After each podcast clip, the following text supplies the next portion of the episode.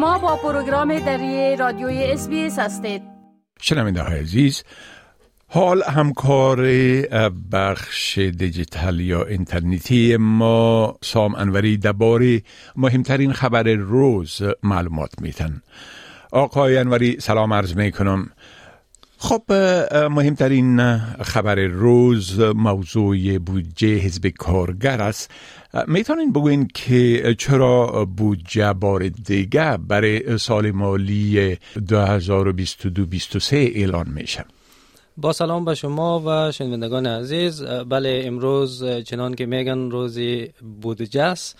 همان دوری که می‌دانید حکومت پیشین اطلاف قبل از انتخابات ماه می بودیجه ای سال مالی را تصویب کرده بود. اما حزب کارگر وعده داده بود که در صورت پیروزی در انتخابات طرح بودجه جدید را ارائه و تصویب خواهد کرد. زیرا این حزب معتقد است که در بودجه ائتلاف بخش زیادی از پول مالیات دهندگان در جاهای غیر ضروری یا به هدف نایل آمدن به اهداف سیاسی طرح شده. حزب کارگر وعده داده بود که در طرح خودش وضعیت بودجه را بهبود ببخشه و با پول مالیات دهندگان برخوردی مسئولانه تر داشته باشه به ویژه که استرالیا مبلغ هنگفت را هم قرضدار است. بنابر همین وعده امروز جیم چالمرز وزیر خزانهداری فدرال نخستین بودجه حکومت کارگر را به مجلس ارائه می‌کنه. انتظارات و توقعات زیادی از این بودجه وجود دارند اما آقای چالمرز هشدار داده که مردم استرالیا به دلیل ادامه تورم گرانی انرژی و افزایش نرخ سود روزهای دشوار را در پیش خواهند داشت و نباید انتظار داشته باشند که حکومت فدرال همانند دوران همگیری کرونا به آنها چک بفرستند. بله خب مخارج عمده بودجه چی چیز هاست؟ یعنی این بودجه بر چی ساحات عمدتا مصرف میشه. خب دولت استرالیا سالانه صدها میلیارد دلار را در زمینه های چون رفاه اجتماعی، صحت، آموزش، دفاع، مهاجرت و ارائه کمک های اضطراری به آسیب دیدگان بلایای طبیعی هزینه می‌کنه. دولت استرالیا طی سال مالی 2021-22 حدود 500 50 میلیارد دلار را به عنوان مالیات جمع آوری کرده که 92 درصد کل درآمد دولت تشکیل میده و بقیه درآمدش هم از درک جی اس تی یا مالیات محصولات و خدمات آمده. در همین سال دولت 623 میلیارد دلار را مصرف کرده که البته شامل هزینه های خود ادارات دولتی هم میشه. ما برای که فهم مصارف بودجه را برای شنوندگان عزیز خود آسان تر بسازیم این 623 میلیارد دلار را تبدیل به 50 دلار می‌کنیم.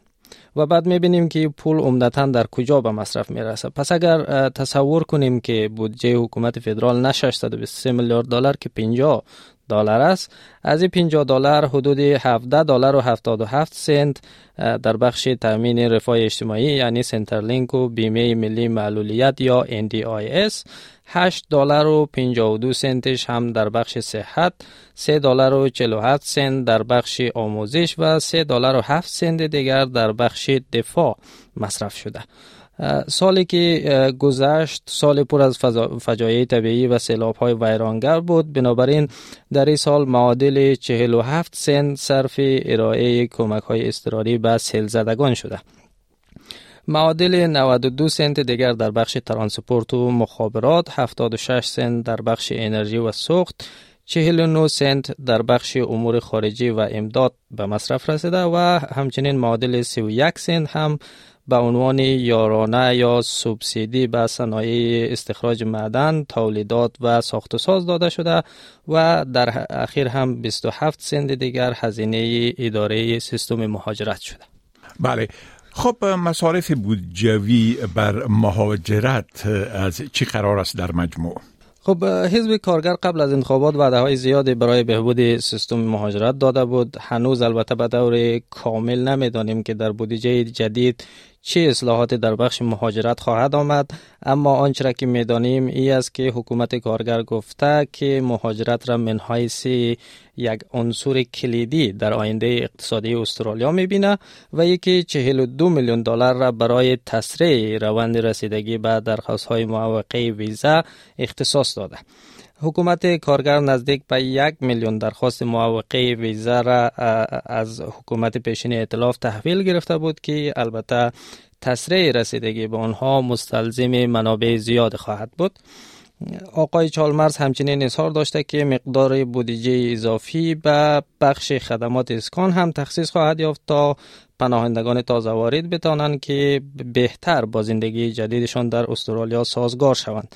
همانطوری که اشاره کردم هنوز معلوم نیست که آیا تغییری در تعداد ویزاهای بشردوستانه و به خصوص ویزاهای اختصاصی برای اتباع افغانستان هم خواهد آمد یا خیر. بله. خب بسیار تشکر آقای انوری از این معلوماتتان و فعلا شما را به خدا می سپارم و روز خوش برتان آرزو می کنم تشکر از شما خدا نگهدار می خواهید این گونه گزارش ها را بیشتر بشنوید؟ به این گزارشات از طریق Apple Podcast، Google Podcast، Spotify و یا هر جایی که پادکاستتان را می گیرید گوش دهید.